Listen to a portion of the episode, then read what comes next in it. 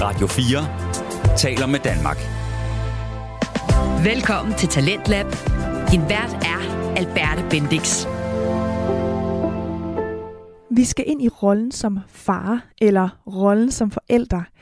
En ting, som jeg godt selv som voksen kan have svært ved sådan at forestille mig i forhold til at blive forældre, det er det her med at lege med børn. Jeg har en lillebror, som er 13 år yngre end mig, og jeg har altid synes, at det var lidt mærkeligt, det der med at skulle lege med ham, med hans legetøj. Jeg var meget bedre til at svinge ham op i luften og danse og dreje rundt med ham og løbe rundt udenfor og kilde ham og sådan nogle ting. Så min måde at lege med min lillebror på har aldrig rigtig været præget af det, som man måske umiddelbart forbinder med at lege. Og det tror jeg faktisk, at ret mange mennesker kan genkende. Og jeg tror også, at øh, nogen måske kan tænke, at det måske er forkert, at de ikke kan finde ud af at sætte sig ned og lege. Jeg har i hvert fald nogle gange tænkt lidt i de tanker, og øh, blandt andet det, det bliver der altså talt om i dag i podcasten Den Stolte Far med Niklas Ritter og Magnus Hvid. En podcast, hvor øh, det at være forældre, det bliver vendt og drejet på alverdens lederkanter, men især i forhold til det at være far, fordi som mand og nybagt far, der er der måske ikke lige så mange rollemodeller at spejle sig i, som hvis man øh, er kvinde og nybagt mor. Og jeg siger det altså tit, når vi skal høre den stolte far, men øh, selvom jeg ikke har børn, og selvom jeg skal være mor og ikke far, så er den stolte far altså bare super vedkommende, og den sætter virkelig nogle ting i perspektiv. Især hvis man ikke har børn. Og altså Talentlab, det er jo stedet, hvor du øh, kan finde de nye talenter inden for øh, podcaster, der altid er passioneret omkring det, de laver. Og det du får lige her, det er altså den stolte far. Rigtig god fornøjelse. Det stolte far.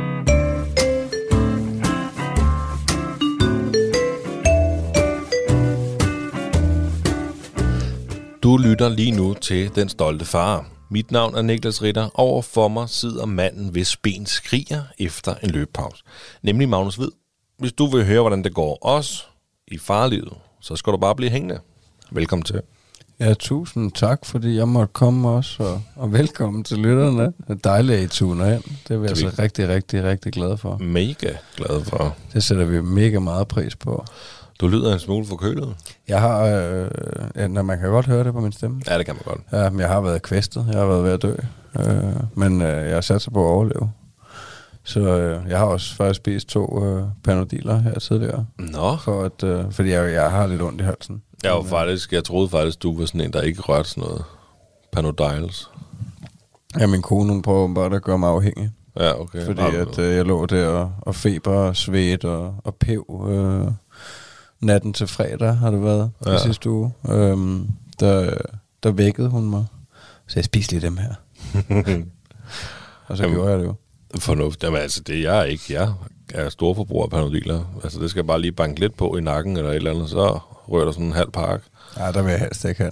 Nej, men det, det, jeg har det fint, så jeg skal ikke have ondt. Det er livet for kort til, simpelthen. det, så hellere bare dope smag andet smertestillende. Ja, ej, jeg tror mere på at uh, finde ud af, hvorfor det går ondt. Ja, men uh, Fair Square, det var jo heller ikke derfor, vi kom, faktisk, for at finde ud af, hvorfor vi har ondt. Nej, det var det jo ikke. Selvom man godt kan have lidt ondt, når man er far, måske. Ja, ja, det kan man da hurtigt få. Det kan i hvert fald være så hårdt, at man synes, det er... Ja, der lige skal en lille paracetamol. Ja, præcis. Nå, jamen altså, udover at uh, du skrænter en lille smule, så går det måske meget godt, eller hvad? Ja, det synes jeg, jeg skal sgu ikke klage. Det er da meget bedre end alternativet, slet ikke at være her. Så, altså, du er altid så fucking dramatisk. Det er, jamen, det er rigtigt, Magnus. Du er fuldstændig ret. Altså, du ser positivt på det. Hvad, altså... Og jeg havde råd til at købe et par uh, vejsbier til os nede i brosen i dag, mm. så helt skidt er det jo ikke. Altså, Nej. selvom det er finanskrise, og livet går ondt på mange måder, så... Uh, så apropos finanskrisen, hvis I gerne uh, vil støtte projektet her, hvis I er så vilde med mig, og med ritter også, så, så er det tier.dk. Der kan I blandt andet støtte uh, vores podcast. Der er også andre derinde, men, uh, men, men vi trænger decideret til hjælp. Um. vi vil gerne, uh, vi er ved at vride kloden her, altså det drøber med de sidste mønter. Og... Ej, nu skal vi ikke få det til at lyde som om, vi vil lukke ned, hvis ikke der er nogen, der gider at give deres uh, børneopsparing til os. Men, uh... det var faktisk slet ikke for at komme med tiggerens hånd. Det var bare uh, en oplysning. Men altså, stor ros til den der overgang, du kom med der, det må man skulle sige. Har du øvet dig på den, eller? Nej. Kom den til dig? Nej, jeg, jeg er faktisk ikke så velforberedt. Jeg, jeg kommer mest øh, og improviserer. Jamen, det er dejligt. Det kan vi godt lide. Øhm, ja, og ellers øh, er, hvad hedder det, kommentarer på øh, platformene og fem stjerner. Det er lige så meget værd som penge for os. Så hvis I kan lide, hvad I hører, så øh, tryk endelig øh, like eller subscribe, eller bare en af dem, eller begge dele. Send et dick pic, eller noget. ja. Jamen, du ja. sendte jo et dick pic til mig her forleden dag. Kan du lige fortælle lytterne, hvad det handlede om? Jamen, det var en, øh, en joke, øh, jeg havde fået fra min øh, makker, den kære Nick Vander, øh, som jeg så sendte videre til dig. Så ja. jeg sendte dig et billede af Dick Kaiser. ja. det var meget sjovt. Jeg sender lige dick pic. kom der billede af. Jamen, det er rigtigt. Ja, du grinte også lidt. Jeg synes, det var sjovt. det synes jeg. Ja, og udover alt det, vi lige har sagt, så, øh, så er der videomateriale at finde på øh, Instagram, Facebook og TikTok. I søger bare på Den Stolte Far, så skal I nok finde det. Dukker vi op. Ja. Lige præcis. Uh, apropos, jeg har faktisk jeg har lavet sådan en link tree. Jeg så nogle andre også har lavet, no. øh, som, er nu, som er et link, der nu ligger inde på vores uh, Instagram. Og hvis man trykker på det link, så kommer du ind, hvor du kan trykke på øh, både vores mail og vores Facebook og vores TikTok og vores øh, Instagram selvfølgelig også. Og der, hvor man kan lytte til vores podcast. Nå, cool. Ja, det har jeg slet ikke fortalt dig. Jeg tror, det var noget, jeg sad og med i forgår som aften og sådan noget. Jeg så nogen har sagt, det der, det skal vi da også have, det er fucking smart. Jamen, du er et teknologigeni. Ja, men det skulle man... i hvert fald være med på beatet. Det skulle man tro i hvert fald. Men det var, altså, det var skide smart. Så. Men ja, gå ind og klik like alle steder. Bare gør det.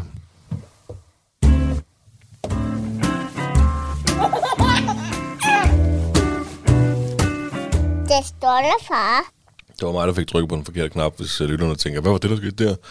Men uh, ja, lige præcis. Selv proffer kan lave fejl. Var der så lidt øl i, øhm, ja, i det, den der lille ja, det mango? Øh, tynd ikke? Jo, jo, jo. Men jeg kan godt skynde mig på den, kan jeg godt mærke. Men, nå, men det var bare, der var ikke ret meget i glasset, og du var allerede... Øh, ja. ja. den her, den ser sgu også bedre ud. Sådan en rigtig Wein Stefan Weissbier. Magnus, vi, øh, vi er jo derovre, hvor vi er ved vores emne. Du har et emne med at gå ud fra. Ja, jeg har faktisk haft lidt svært ved at finde ud af, hvad jeg helt konkret, øh, så jeg har faktisk tre forskellige ting. Øh, men jeg tror, jeg går lidt med, med slåskamp. Ja. Øh, fordi det, det er både lidt en ting, øh, at øh, jeg tror, det kom sig at jeg spurgte ham for et stykke tid siden, hvor jeg følte, at han skulle brænde noget energi af. Øh, jeg tror, det var, fordi han, han godt ville... Øh, hvad hedder det, jeg slås lidt med puderne og sådan noget nede hos farmor og farfar, og, øh, og det er de ikke så pjattet med. Lige det. Der, det, det er de sgu ikke så glade for, han kaster rundt med sofapuderne og sådan noget. Så, så sagde jeg bare til ham, øh, lad os gå op i sengen og slås i stedet for. Og så gik vi op der og havde en, øh, en session. Øhm, og så jeg var det så sent som i, øh, i går der, at, at han selv kom og spurgte mig, skal vi gå ind og slås mm. i sengen? så ja. Det kan jeg love dig for. Det skal vi med med. så tager du ham. Ja, lidt. Men han vil jo selv jo. Ja, ja, så banker ham bare Ja, ja. Nej, det er selvfølgelig øh, med måde, og, og jeg, jeg skulle altid, øh, eller i hvert fald, altså siden jeg blev far, så har jeg måske altid følt det lidt som en udfordring, det der med at lege faktisk øh, på, på nogle niveauer, hvor jeg godt synes, det kan være lidt svært. Øh, Men er det ikke ligesom om, at det er fruen, der er bedre til det der? Jo, altså hun er i hvert fald, det vil jeg våge påstå, at hun, i, at hun i hvert fald er bedre end mig til at lege, men jeg ved ikke, om, om kvinder generelt er bedre til det end mænd. Det, det skal jeg ikke... Øh. Nej, men det var bare fordi, at jeg har det på samme måde med Michelle, og jeg har det lidt på samme måde som det, du nævner der. Jeg synes også, at, sådan, at sætte sig ned og lege, det kan godt være svært det er lidt nemmere, hvis man får lov til at kaste rundt med dem og lave sådan lidt vilde ting, der ikke er en decideret leg, men bare et eller andet mosle rundt. Ja, det tror jeg måske også, at vi øh, er lidt bygget til, fordi det, det falder mig nemlig mere naturligt, at, øh, at give ham en svingtur, eller, eller at gå ind og slås med ham i, øh, i sengen og, og, og wrestle lidt, eller sådan noget, ikke? Øh, Altså, han nyder det virkelig. Altså, han synes, det er pisse sjovt, og så er det jo, altså, det er jo også sådan en situation, hvor, at, øh, altså, nu siger jeg slås, men så er det måske også, at han får en ordentlig kildetur eller et eller andet, ikke? Og det er jo, øh, altså, ja, det er et af de lykkeligste moments, hvor jeg virkelig føler, at jeg lykkes som far på mm. et eller andet niveau, når, når han griner og har det sjovt, og han har selvfølgelig også fået lov til at, at skubbe mig, ikke? Øh, Jeg også øh, er ved at falde ned af sengen en gang imellem og sådan noget. Selvom jeg jo kan tæve ham til hver en tid. Det, altså, det er bare Det skal vi ikke sidde og være i tvivl om. en lille finger, du ved, på en, en side af gaden. Så ligger de der. Men, øh, men, men det var sgu sjovt. Og det var, altså, ja, det var faktisk, øh, der i går var det sådan en total lykkelig moment øh, for os begge to, følte Og så kom hans mor og, øh, og stillede sig i døren, og så stod hun og så kiggede, som om, at øh, hold kæft, hvor ser det hyggeligt ud, Mm. at de to drenge, de slås. Og så, øh, og, og så stoppede han sådan op. Det var, det var sådan en lille smule mærkeligt. Øh, det var ligesom om, så ville han lige have lidt af mors opmærksomhed og kærlighed. Og, og så gik han lige fra, at vi havde slået helt vildt, til at sige, øh, øh, se mor, se månen, er den ikke vidunderlig? Ej, det synes, vidunderlig, sagde du lige det? Ja, hvad er det var for et ord? Vidunderligt. Det har jeg da ikke lært dig, det plejer jeg ikke at bruge. Jeg plejer da bare at sige, det er meget fedt, eller ser da meget godt. Ja, flot morgen, du. Så, hvad, han, så igen så overrasker han mig med, øh, med hans øh, ordvalg, eller hvad man skal sige, hvor langt fremme han er sprogligt. Der føler jeg godt nok, han er totalt fremme i skoene. Og det, er, at det kan jeg, fra min synspunkt på din søn, der kan jeg jo sige, det har jeg jo synes, han var i lang tid jo. Altså, det, det, Thomas har virkelig været hurtig til at udvikle et sprog, der har været fuldt forståeligt. Øh, altså, han har virkelig været god til at snakke øh, tidligt. Ja, det er sgu, Ja, det er jeg sgu meget glad for. det kan jeg godt forstå. og stolt af, men øh, jeg blev lidt chokeret der. Jeg- Altså også fordi vi gik fra lige at have tævet hinanden til, at, øh, at den ikke vidunderlig månen, og så stod Mm. vi der og snakkede om månen, ikke? og det stiller jo en masse spørgsmålstegn, og så sk- sker det jo også op i mit hoved lige med det samme, for det var lyst jo. så, hvorfor, hvor, hvordan er det egentlig? Hvorfor kan man se månen om dagen nogle gange? Du kan jo ikke se solen om natten. Og så må du frem med Google, og så må du sige det til din søn, så du rigtig kunne lyde klog. Nej, der er faktisk ikke øh, nået til nu at google. Jeg snakkede med dem Nick, tidlig, med Nick om det tidligere, og vi, altså, vi snakkede jo også om det i situationen, og jeg snakkede med hans mor om det, og så altså, nåede vi ikke så langt, andet end at det nok har noget at gøre med, hvordan jorden roterer og alle de der ting. Ikke? Øh, Jeg har det jo nok. Jeg skal ikke komme og klog på det. øh, men Nick havde faktisk, en, Nick han vidste det godt, agtigt. Nå, Han var i hvert fald lidt mere, han- jeg følte, jeg følte, han var lidt mere oplyst end mig. jeg kunne også bare sagt et eller andet. Lidt mere lært. Har du, Ja, han har du, sagt fa- har du fakta-tjekket ham? Han kunne da have sagt hvad som helst. Nej, Han har ja. lavet ost, Magnus, vidste du slet ikke det? Nå, er det rigtigt, ikke? Nej, det kan jo eventuelt være noget, jeg kan gøre os klogere på i fremtiden, kan jeg godt mærke nu. Ja, Men, øh, den ligger godt der. men, men, ja, men der, altså, det er også meget sjovt, der har det altså tit med sådan nogle ting der, hvor jeg føler, altså der føler jeg virkelig ikke, at jeg er særlig klog. Øhm, og det kan jeg også huske, vi har snakket om før, og jeg har tænkt over det før, at jeg altid har følt, at jeg kunne spørge min far om alle mulige sindssyge ting. Øh, altså, hvor kommer vandhanen, vandet i vandhanen fra, ikke, for eksempel, ikke? og så begynder han at forklare om, hvordan grundvandet bliver renset, og Hvis du ikke ved det, det som VVS'er, så kan det godt være, at du skulle tage en anden uddannelse, vil jeg lige sige.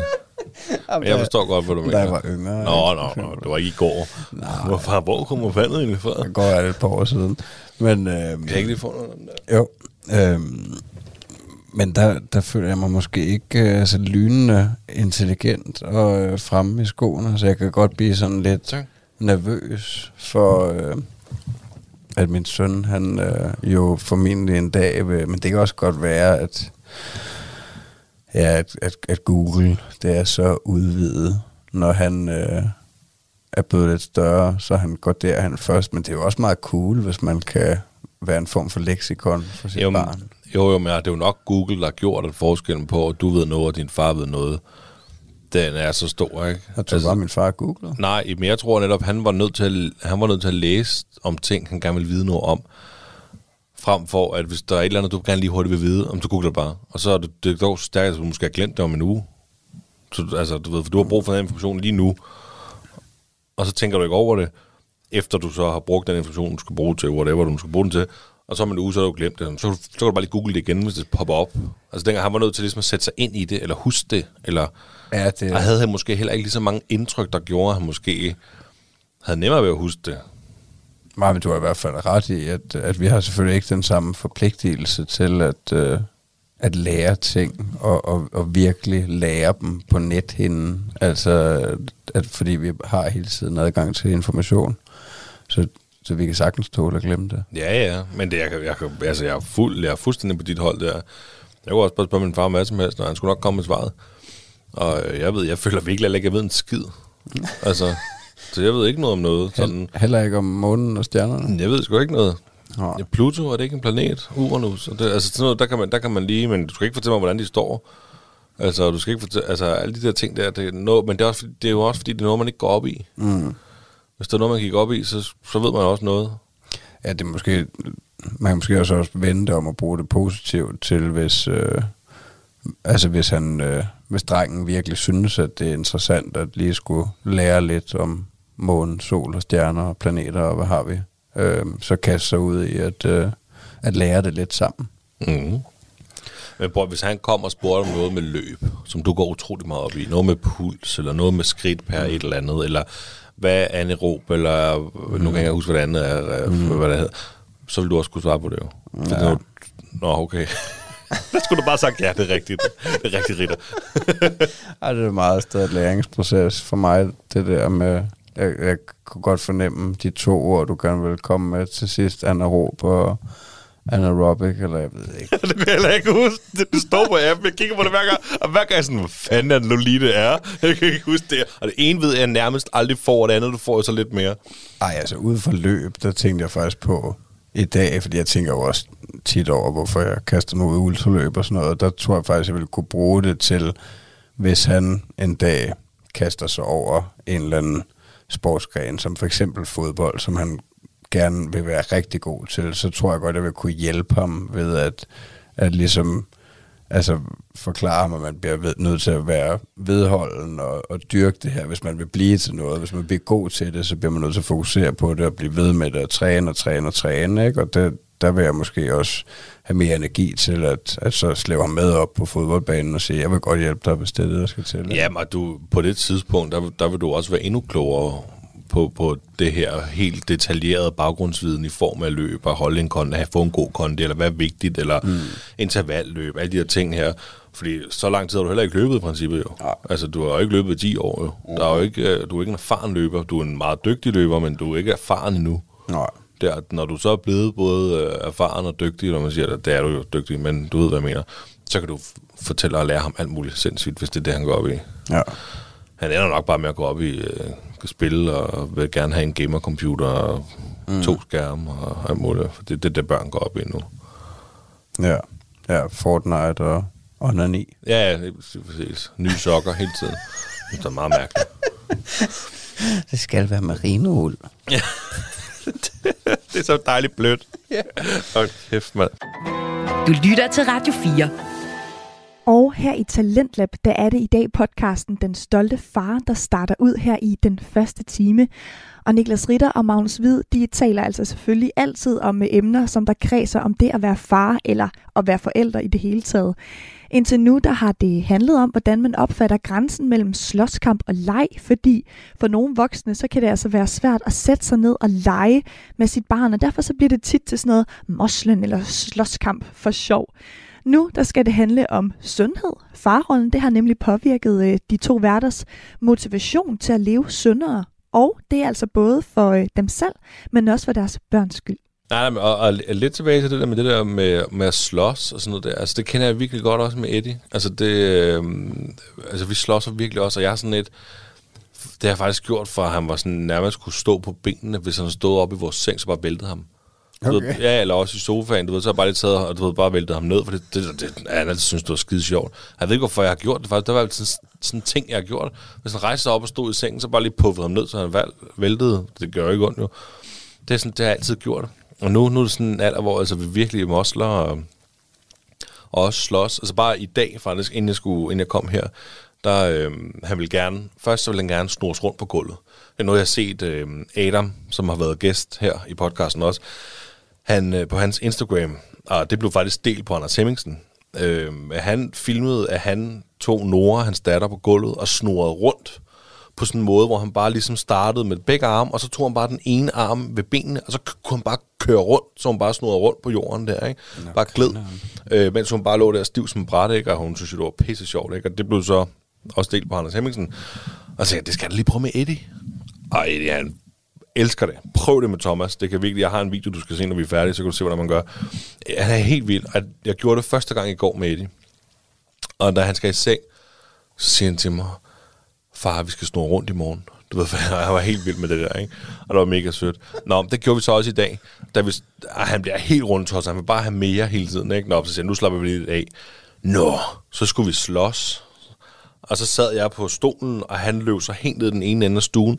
Og så løb han bare imod mig, og så fik jeg bare to knytnæver lige i maven. Du, du ved, ikke? Men jeg, altså, han kan jo ikke slå, og jeg har en stor tyk mave, så en dejlig boksepude, så det var bare sådan, igen, kom så, du ved, ikke? Og det var meget sjovt, ikke? Ja, det gjorde sådan, det var lige inden her, inden jeg kom. Så, Ja, det så kunne vi lige slås. også hyggeligt. Og det, er, og, det, og det er lige præcis det der moment, du snakker om, altså happy moment, ikke? så bliver man sgu lykkelig øh, i, i de moments der. Ja, det er fantastisk. Jamen, den glæder mig til at se den video. Ja, det, det må du prøve med Thomas, han vil elske det. Øh, så er det, er det fordi, vi er, er videre, eller? Ja, lad os bare rykke videre.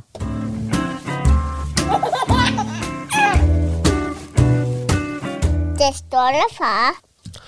Jamen altså, nu øh, er vi jo til det segment, øh, hvor vi snakker om, hvor sunde vi er. Ja.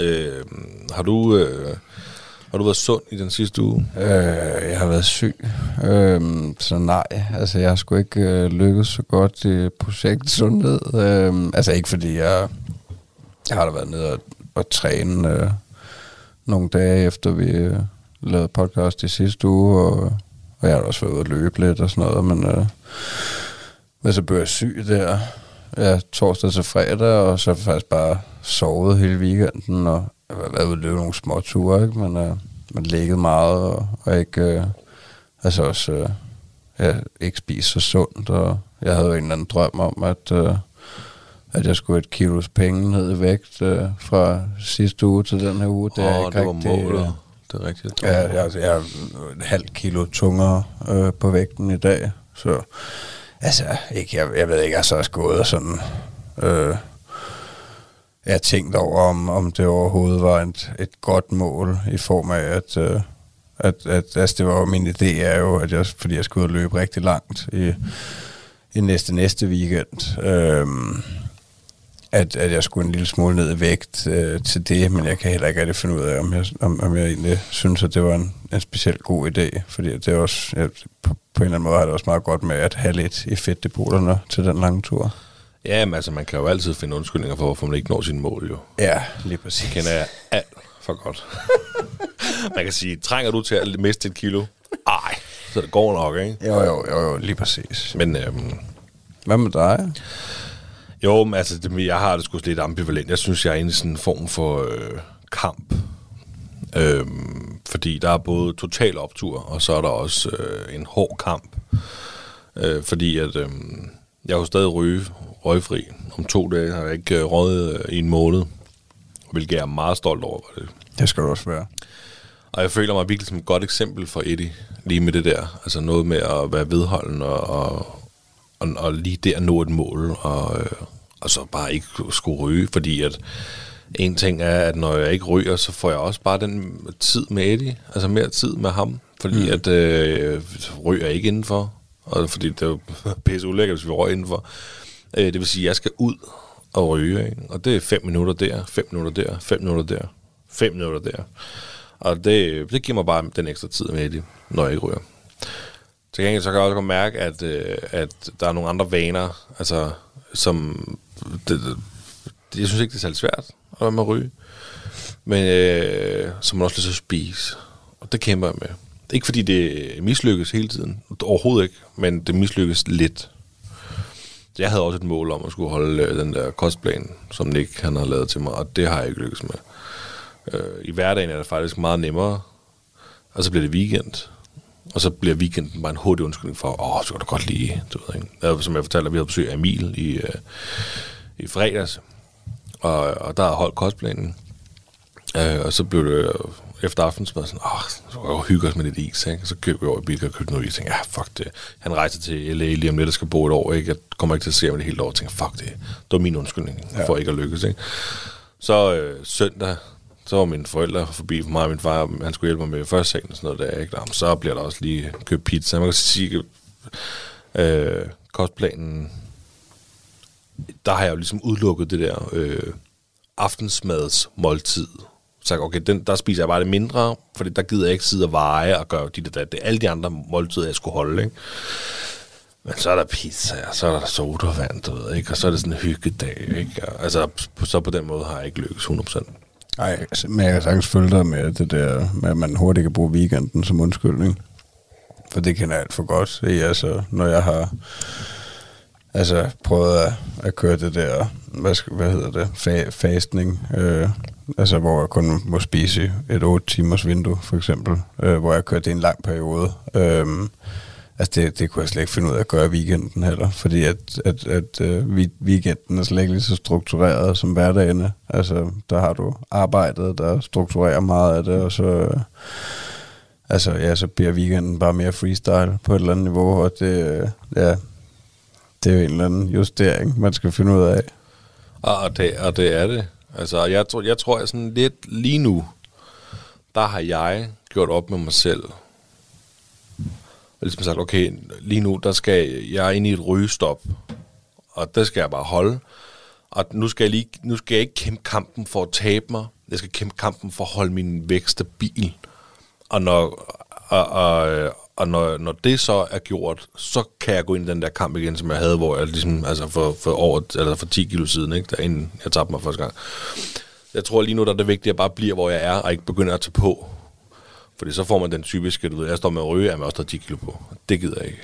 Nej. Så det er også, øh, ja, nu Ja, ja, men jeg tror også, det, det er måske meget fornuftigt, uh, i, i og med, at du stadig slås med rygetrangen, så, så jeg måske ikke kører helt nazi på kostplan og det, men bare holde det nogenlunde. Ja, men at sige, altså i hverdagen, der er det fint. Altså det, jeg har, jeg, det er rigtig en fin kostplan, jeg har lavet, og jeg kan, jeg kan lave den. Men så, øh, så bliver det weekend, og så får jeg lige, du ved, så glemmer jeg lidt, jeg er på kostplan, så får jeg lige snakket et eller andet, fordi der er jo slik i huset, ikke? Mm. Så, øh, så jo, jo, jeg skal, jeg skal bare ikke øh, tage på, hvert Nå, hvad så, har du holdt vægten i den her uge? Øh, jamen altså sidst, der vejede jeg 14, 114,3. Nu vejer jeg 112,9. Nå, det var da meget godt. Ja. Ja. Det var sgu da halvanden kilo. Ja, men jeg tror også, der har været noget, fordi den, øh, jeg ved det sgu ikke, det er lidt svært, for jeg har stå, gået op og ned af den vægt 10 gange, for at være helt sikker på, at vægten er den rigtige, så det, jeg siger i podcasten, er den rigtige. Ja. Og dagen før jeg varede mig til de 114,3, det var en dag, hvor jeg snakkede rigtig meget om aftenen. Mm. Skal du følge mig? Så jeg har nok ikke noget forbrændt så meget til morgen, hvor jeg så varmer. Der har jeg stadig følt, at min mave har været fuld, og jeg har måske ikke været ude skide, og så videre, så videre, ikke? Ja, ja, men det kan også være det der, hvis du har fået en masse salt, og altså, din krop holder på en masse vand, og det... Ja, Ja, ja. ja. Så, men i hvert fald 112,9 nu. Så. ja. Jamen, det er fint. Det er da rimelig stabilt. Ja, det, ja, ja, det, ja, ja, det er det da. Og du har da også været ude at løbe lidt, her. Jo, fordi du har nok lagt mærke til, at det har været en sløv uge. Nej, For mig ellers. Jeg mener, at jeg ikke har fået kigget så meget på dig. Jeg har haft travlt med at have ondt af mig selv. Ja, okay. Nå, jeg har faktisk overhovedet ikke løbet hjem, fra Nå. vi snakkede sidste podcast til i går. I går, var det ikke går aftes, jeg ville løbe en aftentur? Det kan godt være. Øh, så var det forgårs, det kan jeg simpelthen ikke huske. Nå, okay. Øhm, men øh, der har jeg ikke været at løbe, fordi der har været meget fokus på første sal, og jeg synes mm. ikke lige sådan, du ved, der er nogle andre prioriteter, men Ja, så klar. i, i går aftes, der sagde jeg til Mille, at øh, om, kan du lige putte det i, fordi jeg vil godt lige ud og løbe en tur. Og, og sådan, det, var, det var sagtens. Så jeg løb en aftentur. Og, øh, og det, der er det sgu lidt sjovt, fordi så når jeg holder de der lidt lange pauser for løb, ikke, så kan jeg lige pludselig løbe 3,5 uden at stoppe. Så det gjorde jeg. Altså det ved jeg godt for dig, er det ikke imponerende, men for mig, altså da jeg efter jul har jeg nærmest ikke kunne løbe øh, 3,5, den der rute, der er, hvor jeg bor, øh, uden lige at skulle gå måske to gange. Så i går, så løber den hele, øh, uden, at, uden at gå. Så det er lidt sjovt med sådan en pause der. Ja, det kan jo godt svinge lidt også, hvordan man har det i kroppen og alt det her. Det kan det sagtens, det kan det sagtens. Men i hvert fald, jeg kom ud og løbe. Øhm, så, øhm, og det, øh, jeg har jo en ny udfordring til mig selv. Ja? Ja. Og min udfordring er allerede en jeg er i gang med, det er faktisk, at jeg vil være aktiv på Garmin-appen hver dag, til vi mødes igen. Hvad mener du med aktiv? Det vil sige, jeg skal, lave, jeg skal have en aktivitet hver dag, inden jeg kommer igen. Laver du nogle andre aktiviteter end løb og Næ, paddle? øh, nej, i dag var der en god aktivitet. Nå, øh, Nå, okay. Ja. Ja. Det kunne også være, øh, altså for eksempel nu det blæser, pisser ned, regner, jeg er ikke ude at løbe nu, så må jeg tage øh, armbåndinger, et eller andet. Altså, Ja. Så der, der skal være aktivitet på min Garmin i en eller anden form for øh, ja, aktivitet, der nu er. Ja, det er da også lang tid siden, du har shippet, er det? Jo, det har jeg ikke gjort i lang tid. Nej. Det har jeg gjort i nye år. Eller? Nå, men det var da et cool mål. Det var fordi, ja, for nu har jeg overhovedet ikke været, har været aktiv hele ugen nærmest på Garmin, så tænkte jeg, nu, øhm, det må være mit mål, det er simpelthen at have en eller anden form for aktivitet hver dag. Om det så er et løb på 1 km, eller løb på 5 km, eller gå, eller et eller andet. Der skal være en aktivitet. Ja, jeg feel jo. Jeg feel jo. Ja, det er fedt, mand. Det er fedt, du er blevet motiveret til at være aktiv og gøre et eller andet. Jamen, så du ikke, jeg gik i Bilka i dag? Nej, det så jeg. Nej, men du kigger ikke så meget. Du må godt gå ind og like mig, så er mere motivation til mig. Nej, men, nej, men det var, jeg havde fri dag på arbejde. Ja. Og jeg manglede nogle ting til kostplanen faktisk. Så tænkte jeg, jeg går sgu over i bilen. Ja. Så det var lige øh, 3 km eller sådan noget, tror jeg. Ja, sæt bilen, mand. Ja, gør, gør det, mand. Er der nogen, der vil have den? Skriv ind, hvis I vil have den. Nej, det skal I ikke. I får den ikke. Nå, hvad med... Øhm, har du noget udfordring? Jamen, jeg, jeg, jeg har ikke rigtig kunne finde ud af nogen reel udfordring. Altså, det er jo også, det er jo også fordi, jeg står og, og, og altså, med den vanvittige udfordring næste, næste weekend. Så jeg tror, jeg tror, at min udfordring er, at, øh, at, at når vi når næste podcasten i næste uge, så er jeg helt, øh, så er jeg hele planen klar til den løbetur. Okay. Så jeg har ro i sindet over det, fordi jeg kan godt mærke, at det begynder... øh, Altså, jeg begynder at blive mere og mere nervøs, så jeg begynder at tænke mere og mere over det, og så nogle andre ting. I, der er jo masser af andre ting i livet også, som familie og arbejde, og der, der, der er masser af ting at tænke over. Øhm, så altså, det bliver nødt til at, at, øh, at, at få på planlagt den tur helt nøjagtigt, fordi at jeg skal ikke, øh, altså, jeg skal bare løbe små ture, jeg skal ikke ud og have noget langt eller noget. Øhm, så så min, min kommende uge vil være, som, som den normalt er, med mindre løb end normalt. Men øh, så fokus er på planlægning. Så det, det er Det glæder mig mit til at mål, høre. er planlægning. Øh, er det med planlægningen? Er det med, øh, hvor jeg skal mødes med dig give dig vand, eller et blowjob, eller hvad du skal have, for at du kan løbe videre? Ja, altså, jeg indrømme, det, det er også en af de udfordringer med, hvad det er helt nøjagtigt, jeg skal bede mine øh, venner om. Øh, men det kan være, det kan være, du, det kan være, jeg skal sætte dig til at se nogle øh, YouTube-videoer med sådan nogle professionelle ultraløbere, hvor de har sådan et crew, der crewer dem. Så kan Ja, nu jo skal du ikke begynde. inspireret. Det er ikke mig, der skal på arbejde, vel? Jeg vil bare gerne hjælpe dig. Ja, men det er også derfor, jeg vil heller ikke. Det er lidt svært, hvad man kan bede, bede jer om. Du kan bede mig om det hele, hvis jeg skal lave flødekartofler og, Ja. ja. og broccoli, eller hvad fanden du vil have, så laver jeg det til dig, og så kommer jeg ud med det, på det, Ja. hvor vi mødes. Og du snakker selv om, at det kunne være, at jeg lige skulle øhm, snakke med Kenneth. Ja, Det kan være, at I kan komme til Greve næste uge. Der er Kenneth. Så kan vi lige snakke sammen. ja men, men, ja, men det er også en del af, af planlægningen, selvfølgelig, er det at uh, finde ud af, hvad jeg skal bede jer om. Ja, okay. Jamen, så skal vi da bare videre, skal vi ikke? Lad os gøre det. Du lytter til Talentlab på Radio 4. Og vi er midt i et afsnit af podcasten Den Stolte Far med Niklas Ritter og Magnus Hvid. Podcasten, hvor øh, rollen som far, den altså bliver øh, talt om fra alle mulige forskellige vinkler. Og for eksempel, så har de to værter altid et fast segment, hvor de taler om sundhed. Og så kan man jo godt tænke, hvad har det lige med rollen som forældre at gøre? Men det er altså fordi, de taler om, hvordan de som fædre er blevet mere altså motiveret til at holde sig sunde. Og som øh, jeg lige kunne forstå på det hele, så skal Magnus altså om to uger løbe et ultraløb. Og rimelig dedikeret, må jeg sige. Øhm, nu skal det handle om noget helt andet. Niklas' kæreste er nemlig gravid igen, og de har været til 3D-scanning. For det her med billeder, både den her øh, 3D-metode til billeder af fosteret, men også billeder sådan, og film under en fødsel, det er noget, som man virkelig kan have det meget forskelligt med. Jeg har jo et emne med også. Ja. Og øh, det var noget, der skete i dag, faktisk. Nå. Øh, vi har været til 3D-scanning. Nej. Fandme så. Det er, Og- det er da tæt på, er det ikke? Jo, det, øh, det var det. Eller det er det. Der er jo to måneder til, øh, han skal ud, den lille, den lille ny. Og øh, 3D-scanningen anbefaler man at lave, hvor det fra mellem uge 25 til uge 30 eller sådan noget. Øhm, men vi har, har været ramt af sygdom i hele januar måned. Jo. Jeg var syg, og så var Eddie syg, og så var Michelle syg, så vi har måttet rykke vores tid til 3D-scanningen, mm. for at Michelle hun kunne nå at blive rask. Så det var også lidt problema- problematisk, fordi Mille hun er i, øhm, i 32. uge. Så øh, han sagde også, da vi, og det var en mand, ham der skulle scanne, øh, han sagde også, at øh, om vi var klar over, at de anbefalede fra uge 25 til 30 imellem der til 3D-scanninger. Og det, det var vi godt, men vi har simpelthen været ramt af sygdom, så vi har ikke kunne komme før nu, og vi vil gerne forsøge med de her 3D-scanninger, fordi dem fik vi jo også, da vi havde, øh, eller da hun var gravid med Eddie. Altså, det er jo simpelthen, fordi I gerne vil have de billeder. Ja, vi vil gerne se. Altså, ved, det er sgu, øh, det er sgu meget sjovt. Det bliver også nogle okay billeder. Altså, for det handler jo om, at jo større han er, jo mindre fostervand er der imellem. Mm, det ved jeg ikke. Noget ind i maven og hovedet. altså imellem mm. hendes mave, eller hvad fanden ved jeg, og hovedet, ikke? Ja. Så, øhm, Ja, den mave, som barnet ligger inde i. Ja, lige præcis. Et eller andet moderkage eller sådan noget. I hvert fald, jo mere fostervand der er imellem face og ydervæggen derinde, mm. jo bedre billeder kan du få. Ja. Øh, og jo større han er, jo mindre plads er der selvfølgelig imellem. Så, men vi fik nogle udmærkede billeder. Var han stor, eller?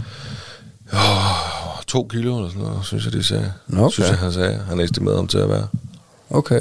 Og var det, var, var det fint nok? Eller? Ja, det var... Man, vi har, hver gang vi har været til nogle scanninger, så har de sagt, at han er lige, som man skal være. Ja, helt feng shui. Ja, ja. Så Ja, øh, nu dejligt. ser man har alle fingre og alle fødder, eller hvad man nu siger, når han kommer ud. Men Nå, men det, vi har jo da været sådan noget misdannelsescanning. jo, jo, men det kan jo gå galt jo. Altså, det er jo, der er jo også folk, der har fået øh, folk med sygdomme og ja. sjældne sygdomme, uden ja, Ja, det er blevet opdaget, ikke? Så øh, mm. det satser vi selvfølgelig overhovedet ikke på, sker. Det er Nej, klart, han er selvfølgelig fuldstændig, som han skal være. Tip-top Magui. Men det var sgu lidt sjovt at være til det der 3D-scanning. Altså, fordi at øhm, første gang, vi var til det med Eddie, der tog for det første, der købes den, den store pakke. Det vil sige, hvis ikke det lykkes at få nogle gode billeder første gang, så kan du komme igen, indtil du får nogle gode billeder. Og vi endte faktisk med at komme igen fire gange med Eddie. Så fjerde gang, der blev det gode billeder. Der blev, der blev det de billeder, vi kunne få. Det kan sikkert blive meget bedre, det kan også blive meget dårligere sikkert. Men det blev nogle gode billeder, synes jeg, med Eddie. Og det var sådan, så vi tænkte, nu gider jeg simpelthen ikke mere. Altså hvis ikke vi får gode billeder i dag, fire gang, så, så fuck det. Men det endte så med at blive okay. Øh, men det der så er det sjove ved, at nu skulle gøre det med den lille nye, det er jo, at nu har man jo noget at sætte det op imod de billeder. Nu kan man jo tage hans billeder og kigge på Eddies billeder, og så se, okay, en af ene af den. Og det synes jeg faktisk, det gjorde. Nå, Så der, det var altså lidt sjovt. Det var lidt ligesom, øh, når man så de der billeder der, og sige, det sgu som at se Eddies næse og, og sådan nogle ting, ikke? Så det var sgu, det var sgu meget fedt. Ej, det er vildt. Så kommer du også tæt på. Og... Ja, jeg synes, det gik op for mig i dag, hvor tæt det egentlig var, da han sagde, at du, altså, du ved, du er 32, du... Han start, det, det, det spørger de om, hver gang man kommer sådan et sted. Øhm, du ved, øh, hvad uge er du i? Og så slynger Mille et eller andet ud, for hun ved lige præcis, hvad hun er i. Ikke? Så sagde hun uge 32, så uge 32, man plejer at føde i uge 40, det vil sige, det er om 8 uger.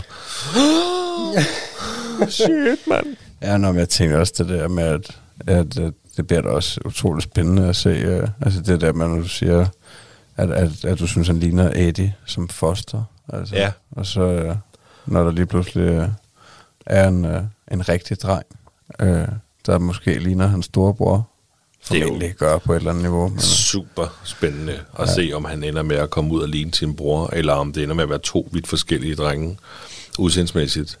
Eller også væremåde. ja. Det er jo ikke til at vide jo. Altså, jeg ligner jo ikke nogen af mine søstre jo. Altså, vi, vi Ja, er er tre søstre. Ja, det, det er rigtigt. Hvis jeg tager tåret af, de tager tåret af, så ligner vi ikke hinanden. Nej, det er rigtigt. Men ansigtsmæssigt kan man godt ligne, selvom de er kvinder jo. ja, man tror ikke, det er mere normalt, at samme køn ligner hinanden. Jamen, mere, min store Er det bare og lille søster ligner ikke hinanden. Nej. Nej. Men, øh, nej, men jeg, jeg, jeg forstår godt, hvor du vil hen. Men jeg synes bare overhovedet ikke, vi ligner hinanden. Men, øh, men det, det bliver sgu, øh, det bliver fandme spændende. Og det var sgu meget sjovt. Ej, det var dejligt. Men det koster jo også det møg. Han var Ja, faktisk det- meget sød. Fordi at han siger til os, at øh, netop fordi han gør sig opmærksom på det her med uge 32, så siger han, det er jo ikke sikkert, at vi kan få nogle gode billeder af det. Det er- Det er slet ikke sikkert, at vi kan få nogle billeder. Så øh, og vi havde bestilt en stor pakke, ligesom vi gjorde med Eddie, for at være sikker på at få nogle gode billeder. Nu kan jeg ikke huske, hvad den store pakke kostede, men så sagde han, det vi kan gøre, I kan fortsætte med en stor pakke, men hvis ikke vi får gode billeder i dag, så er der nok ikke bedre chancer for at få endnu bedre, altså gode billeder næste gang, fordi han bliver kun større, jo længere tiden går. Så det vi kan gøre, det er, at vi kan downgrade til et lille pakke, men så får I kun i dag, forsøg i dag, og det er det, så må I så tilkøbe jer, hvis I vil have flere forsøg. Eller vi kan lave den almindelige 2D-scanning, og hvis det ser godt ud, så kan vi upgrade det til den lille pakke. Og jeg var sådan lidt, øh, jeg behøver, ikke til 2D-billeder, det har vi set så meget af. Altså dem har vi jo masser af, af, af den lille. Så vi var sgu enige om, at øh, vi tog den lille pakke 3D-scanning og tog forsøget. Og det var udmærket. Og det koster alligevel 900 kroner. Ja. Hvad, hvad havde I givet for den anden, der hvor du sagde, I havde været inde fire gange med Eddie? Ja, men det var, ja, nu kan jeg jo ikke huske, hvad den store pakke kom på koster. Nej. Det hedder Lille Liv, 3D-scanning, stor pakke. Ja. Så kan du lave en quiz næste afsnit. Ja, vi var også, Okay, lille, vi var også lille liv, tror jeg. Ja. egentlig. Men, øh, men jeg kan slet ikke huske det der. Altså, Var I, jeg, havde, jamen, havde I 3D-scanning med Thomas? ja, det, ja, det havde vi.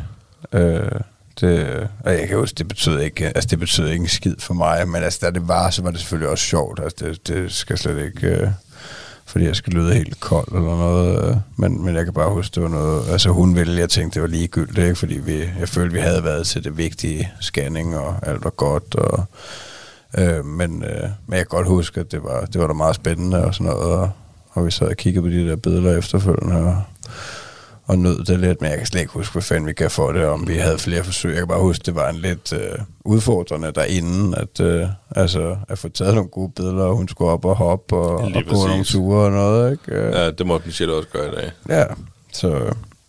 Men, øh, men fedt, jeg havde en god oplevelse, og Det havde vi. Altså, vi, og vi, fik, øh, vi, fik, vi fik nogle udmærkede billeder. Vi fik nogle gode billeder. Ja, ja, det er da også sjovt at have, altså, der have de, især når I har de to at sætte op mod hinanden, og I kan sidde der om mange år og, og se, se, at de lignede hinanden, da de var foster, og nu, øh, Ja, nu ligner de slet ikke hinanden. nej, nå, men det er det. Det ved det ikke. Må vi se, hvad der sker med de to. Men, men jeg kan godt føle dig i det der med, at det er ligegyldigt.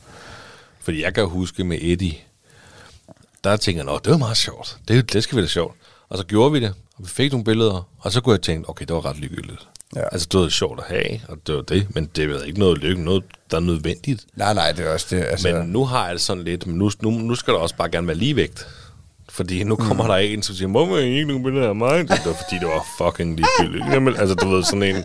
Så tænker jeg, "Nej, så gør vi det, så gør vi det altså også her med nummer to, fordi nu, nu, nu er det en ting, vi gør. ja, og det tvivler sgu på, at, øh, at de nogensinde kommer og spørger, har I fået taget nogle 3D-scanningsbilleder Nej, det kan da godt være. Det kan da godt. Nej, vi har altså fået taget en masse 3D-billeder af dig her, som ikke foster. Jeg kan godt lide, at du skal pointere, at det er foster. Men jeg forstår godt, hvad du mener, men det kan også bare være, at man viser dem med ren hygge, sådan en fredag aften der, vi lige lavet en skål helt- der. Nu skal vi fandme til på billeder af dig i, i 3D-version som, øh, som foster. Jamen, det er da rigtigt nok. Det kan da godt være, det var en sjov ting. Det kunne være, at jeg skulle gøre det her snart. Lave en skål popcorn og sige, nu skal du sat mig se, dengang du lå inde i, i mors mave. Ej, ja, nu skal du se, øh, nu skal du se, øh, da du sket? kom ud her. Ej, det er, også, det er så sindssygt, det der med at komme ud. Altså, mit, jeg har et fotoalbum, ikke? Min, min mor, hun har lavet et fotoalbum til mig og min søster. Et hver. Altså med Niklas, med Trine og med Frederik, ikke? Nå. Og de første tre sider eller sådan noget, ikke? Måske fire sider af billeder, ikke? Det var at komme ud af min mors mave. Er det rigtigt? Ja, ja, helt Nå, lortet, du. vildt, mand. Blod og moderkage og billeder af den, og... Åh, fuck, hvor sindssygt. Så hovedet ude nu, hele kroppen ude, og sådan noget. Og tænker, "Åh, traumer, mand. Det, Nå, freaky. Hvornår fik du det? øh, jamen, det har jeg fået, da jeg flyttede hjemmefra. Så fik jeg det sådan, det, må du få. det, er jo, det, er jo et, det er jo et fotoalbum, jeg har kunne altid have set i. Nå, okay. Jeg kan huske, min mor fortalte, da jeg var barn, der var sådan et, det første, jeg sagde, hvis der kom gæster, vil du se, der kom ud af min mors tidskone? så kommer jeg bare til den der fotoalbum og bladrer- bladrer det, ikke? Sådan, det er sådan et stort fotoalbum, jeg har. Så er der billeder fra, Og så kom de aldrig jeg igen, kom de ud. gæster. Ah, nej. Hvad sagde jeg, mand? De er da nogle freaks. skal vi ikke have mørbrød igen alligevel, du. Jamen altså, det, det er sgu meget sjovt. Det har hun, det har hun lavet, eller det har de, mor og far, lavet til os. Ja, det er da meget skægt. Ja, Og det er, det er, du ved, hvis du vil se min mors tidskone, så skal du bare bladre i første side af mit øh, fotoalbum, Magnus. Jeg kan vide, hvor normalt det er at uh, tage billeder. Altså, nu var, havde vi jo begge to en kejsersnit-session, der var halvtraumatisk og sådan noget. Mm. Men, uh, men altså, jeg tænker, at vi har heller ikke hørt andre, der har været herinde og fortælle om naturlige fødsler, at, uh, at de stod og tog billeder og sådan noget. Det er nok noget, man gjorde dengang. Ja, Jeg ved det ikke. Men var det Nick, han fortalte også, han tog han ikke billeder af fødslen. Men Jeg er Jo. uden godt klar over, at det var kejsersnittet. Det jo, var men ikke, det, men jo, det var planlagt kejsersnit, Ja. ja. men jo, det er rigtigt, det gjorde han. det var egentlig også, en, det, var også, det må også være nogle meget grænseoverskridende billeder, tænker jeg. Ja. Ja, det er nok ikke. Det er ikke sikkert, at man hiver dem op til sine 40 år, så sender over. For konfirmationen. Nej, man, det... Nu skal øh, du se, dengang du kom ud. Ja, Og det skal alle gæsterne også. Jeg lavede en PowerPoint-præsentation. men altså, det er selvfølgelig... Men det, øh, det, var, var nok en ting. Det der, man tog billeder af. Jeg skulle fandme ikke nyde noget. Altså, hvis... Øh, hvis øh, hvad hedder det nu, hvis den lille nye, der ender med at være en normal fødsel, så skal jeg da kun stå op i hovedet. Jeg skal da slet ikke, og der er slet ikke nogen, der skal få lov til at filme det der. Nej. Det minder mig om, har du, har du ikke set Kloven, det nye, det der juleafsnittet, der kom? Øh, Nej. det er jo også, det er jo Frank Vam og Mias datter, som er blevet kærester med Lars Mikkelsen og, øh, hvad hedder hun nu, Annette Støvlebæks datter, søn. Ja. Altså, det er jo fiktivt selvfølgelig ikke, men hun er, hun er gravid. Og så er det noget med, at Frank ikke kan finde vej, så han når ikke, og ham, Frank og svigersøn når ikke at komme frem til fødslen, så Lars Mikkelsen, han har simpelthen filmet fødslen, altså du ved, hvor barnet er kommet ud af tidskonen, og så går hele afsnittet ud på, at Frank han synes, han har filmet for meget tidskone, fordi at der går fra, han starter med at filme, til baby kommer ud, 10 minutter, hvor der bare er tidskone. Jeg synes, ja, det skulle du tage og se, det er faktisk ret sjovt. Ja, det lyder mig sjovt. Ja, det er jo heller ikke selvfølgelig. Ej, genialt. Ja, men øh, ja, ja, 3D-scanninger, hvis, øh, hvis man, det er sgu meget hyggeligt. Ja, prøv det, hvis I gerne vil lykkes. Radio 4 taler med Danmark. Og dem, der taler til Danmark lige nu, det er Niklas Ritter og Magnus Hvid fra podcasten Den Stolte Far. Og det er altså en podcast, som øh, der fokuserer på livet selvfølgelig som far, med alt, hvad det altså indebærer. Og i dag der har de lige talt om en øh, hel del øh, med det med øh, babygraviditet og billeder, fordi Niklas han har været til 3D-scanning med sin kæreste. En mulighed, som jeg synes øh, flere og flere er begyndt at bruge, og det ledte så altså til samtalen om, hvordan man har det med billeder og videoer under en fødsel. Noget, som ikke alle har det helt så godt med. Nu der skal vi kvise med den stolte far. Er det så den kloge far, eller? Altså, jeg har bare Quiz skrevet for- Magnus gør os klogere quizzen, men Ja. altså, du må finde ud af, hvad du vil kalde dit segment. Jeg dit helt ikke. eget segment. Ja, den bliver kortere og kortere. Der er kun tre i dag. Det er Altså, okay det jo. var svært i dag, synes jeg. Jeg har virkelig haft uh, udfordringer med den. Men øhm, Altså, det er jo quizzen, hvor du tager noget, vi snakkede om sidst, og øh, ja, eller, gør os klogere på. Ja, jeg ved ikke rigtig, om det var noget, vi stillede spørgsmålstegn med, men det var i hvert fald noget, du, øh, du sagde, jeg kunne google. Det Jamen. her. Det var i forbindelse med din øh, præsentation af mig, så her kommer spørgsmål nummer et. Hvor kommer øh, Baba Papa og hans søn øh, Baba Pjuske fra? Øh, Danmark, England eller Frankrig? England. Nej, de skulle fra Frankrig. Var de fra Frankrig? Baba Papa er en række børnebøger, hvoraf den første bog udkom i 1970. Bøgerne var oprindeligt skrevet på fransk og senere oversat til mere end 30 sprog. Der er sidenhen kommet en tv-serie med samme navn. Øhm, så den er lavet i øh, små, korte tegnfilmsafsnit. Jamen, og det er jo dem, jeg har set rigtig meget med i det. Baba ja, ja. Papa. Ja, de var kun øh, fem minutter. Ja, de var ikke ret lang tid, og, de er, og det er gammelt, det kan man tydeligt se, og det er meget mærkeligt, for det er sådan en øh, lyserød klump, der kan forme sig alt muligt, som render rundt med to unge børn. Er det, har du skrevet det ned, eller hvad? Øh, nej, ikke rigtig endnu. Nå, okay, jeg. lignede bare en eller anden, der sad og tænkte, ja, det er præcis det, der står her. Men jeg kan jo lige sige til lytterne, at det var jo fordi, jeg, at jeg sagde, at hvis Baba Papas søn, Baba Pjuske, var ultraløber, så hed han Magnus Hvid. Ja. Og det er jo fordi, at Baba Papas søn, Baba Pjuske, han er en helt sort klump, der er ved håret. Ja, han er lige så behåret som mig næsten. Ja. Ja. Har du endda googlet det, så du kunne se, hvordan det ser ud? Øh, ja, jeg har godt set Ja, et uh, billede af Baba Pjuske. så, øhm, men øh, så kaster vi os bare ud i øh, spørgsmål nummer to. Hvor mange børn har øh, Baba Papa og Baba Mama, Okay. de såkaldte Baba Bebes? Ja, det behøver du ikke, fordi at, øhm, der er to Baba Papa og Baba Mama, ikke? ja. Baba Papa, Baba Mama, Baba Grøn, Baba Gul, Baba Rød, Baba Pjuske, Baba Orange og Baba... Baba Papa, Baba Mama, Baba Rød... Baba... Ej, okay, men, men, du skal stave til Baba Papa og trække to fra, Nå. og så har du det antal, der er børn. Det er mit bud. jeg skal stave til Baba Papa. Hvordan staver man til trække Papa? To fra Hvor mange bog, bogstaver? B-A-R-B-A P-A-P-A Og så træk to fra. Ja. Jamen, Så har du syv. Er der syv børn? Ja. okay, nå. Ja. Var det et trick, de lærte i tegnfilm? Jeg aner det ikke, men det er fordi, jeg, jeg mener hvis nok, jeg har lagt mærke til, at der er et bogstav for hvert barn eller et eller andet, tror jeg. Ja, okay, men uh, Baba Papa er generelt et pæreformet, lyserødt, antropomorft væsen med forvandlingsegenskaber, der snubler over den menneskelige verden og forsøger at passe ind. Metamorfose er normalt ledsaget af at sige hup, hup, hup, Baba Truk.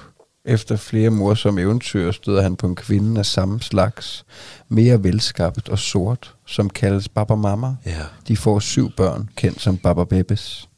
Med Hvad, hver har du navnene? farve. Ja, og så har du... Ej, jeg har ikke uh, lige navne. Det er bare taget fra Wikipedia, det her. Ja, okay. Men der, der er jo et helt afsnit, hvor Baba Papa, han er sådan helt deprimeret. Han er jo sådan en, der vokser i jorden, kommer op, og så er sådan helt deprimeret, og er ked af det, og vil ikke noget, og der er ikke nogen, der ved, hvorfor. Indtil børnene, ved, de bliver sådan lidt, det er fordi, der ikke er nogen andre af den slags. Og så rejser de hele jorden rundt for at finde en eller anden slags som ham, og så finder han jo så Baba Mama. Og så, så sker der nok elskovs, man ikke ser Men, der er censureret, og så bliver der plantet sådan nogle frø i jorden, og så kommer der sådan nogle børn op, og så leger de alle sammen. ja, så plopper de bare op. Ja, så vokser de. Men ved du, hvad det der øh, antropomorft betyder? Overhovedet ikke. Det aner jeg ikke, hvad. Nå, okay. Ja, for det, det er meget sjovt, så kunne godt være, at man kunne finde ud af det også. Øhm, men så er vi lidt over i noget andet, øh, som så bliver det sidste spørgsmål. Øh, spørgsmål nummer tre. Hvad sagde øh, den lille prinsesse til den store prinsesse? Det var den der kontrovers, vi snakkede om. Kan du huske det? Eller du snakkede om, at der havde, det var i forbindelse med, Ja. at, øh, at du fortalte, at, at øh, din søn han næsten havde talt grim, grimt til hans mor. Og Ja. så snakkede vi om... Øh, om øh, kronprinsessen, øh, var det ikke hende, og, øh, og, Jamen. og hendes datter. Jo, er du helt væk, siger hun. Øh, ja, jeg har godt nok tre. Øh, Nå, okay, men er det ikke det, hun siger? er, er du dum, mor? Altså, er det det, eller, siger? Nå, er, eller altså, du er helt væk, eller du forstår jo ingenting. du er helt væk, siger hun. Ja, det er rigtigt. Øh, jeg har taget det her fra Ekstrabladet. Det er en artikel fra 16. maj 22. Med et års forsinkelse, og trods flere afbud for gæster bosat i udlandet på grund af coronavirusen, blev prins Christian lørdag konfirmeret i Fredensborg Slotskirke. Men det af lille søster prinsesse Isabella, som efterløbende er løbet med en masse opmærksomhed. Traditionen tro stillede den kongelige familie op til billeder foran Fredensborg Slot, hvor de forskellige konstellationer skulle fotograferes. Den 14-årige prinsesse fik at vide af sin mor, at hun skulle gå med dronningen indenfor, men da prinsessen var halvvejs op ad trappen, blev hun omdirigeret af kronprinsesse Mary. Det passede tydeligvis ikke teenageren. En tydeligt irriteret Isabella svarer sin mor igen med ordene, Sagde du ikke, at jeg skulle gå med farmor? Altså, du er jo helt væk. Ja.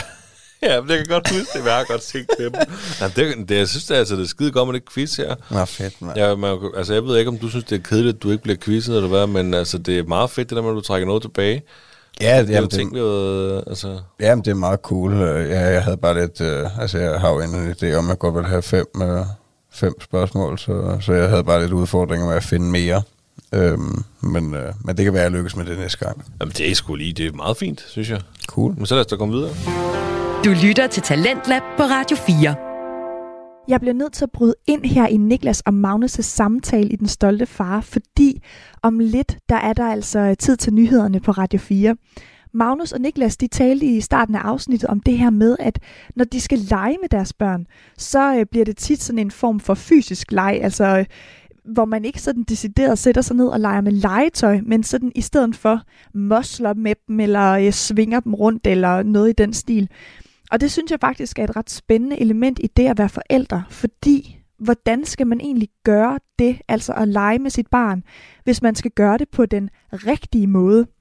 Fordi det er jeg faktisk lidt i tvivl om, om der er en rigtig måde på det. Jeg har aldrig rigtig leget med mit legetøj, da jeg var lille, og mine forældre legede heller ikke rigtig med det sammen med mig. Om det så fordi de ikke gjorde det, at jeg ikke legede med det, eller om det bare var sådan, jeg var. Det, øh, det er et godt spørgsmål, og det er sådan nogle ting, jeg kommer til at tænke over, når jeg lytter til Den Stolte Far. Og du kan altså høre resten af afsnittet i anden time af Talentlab, og det er lige efter nyhederne.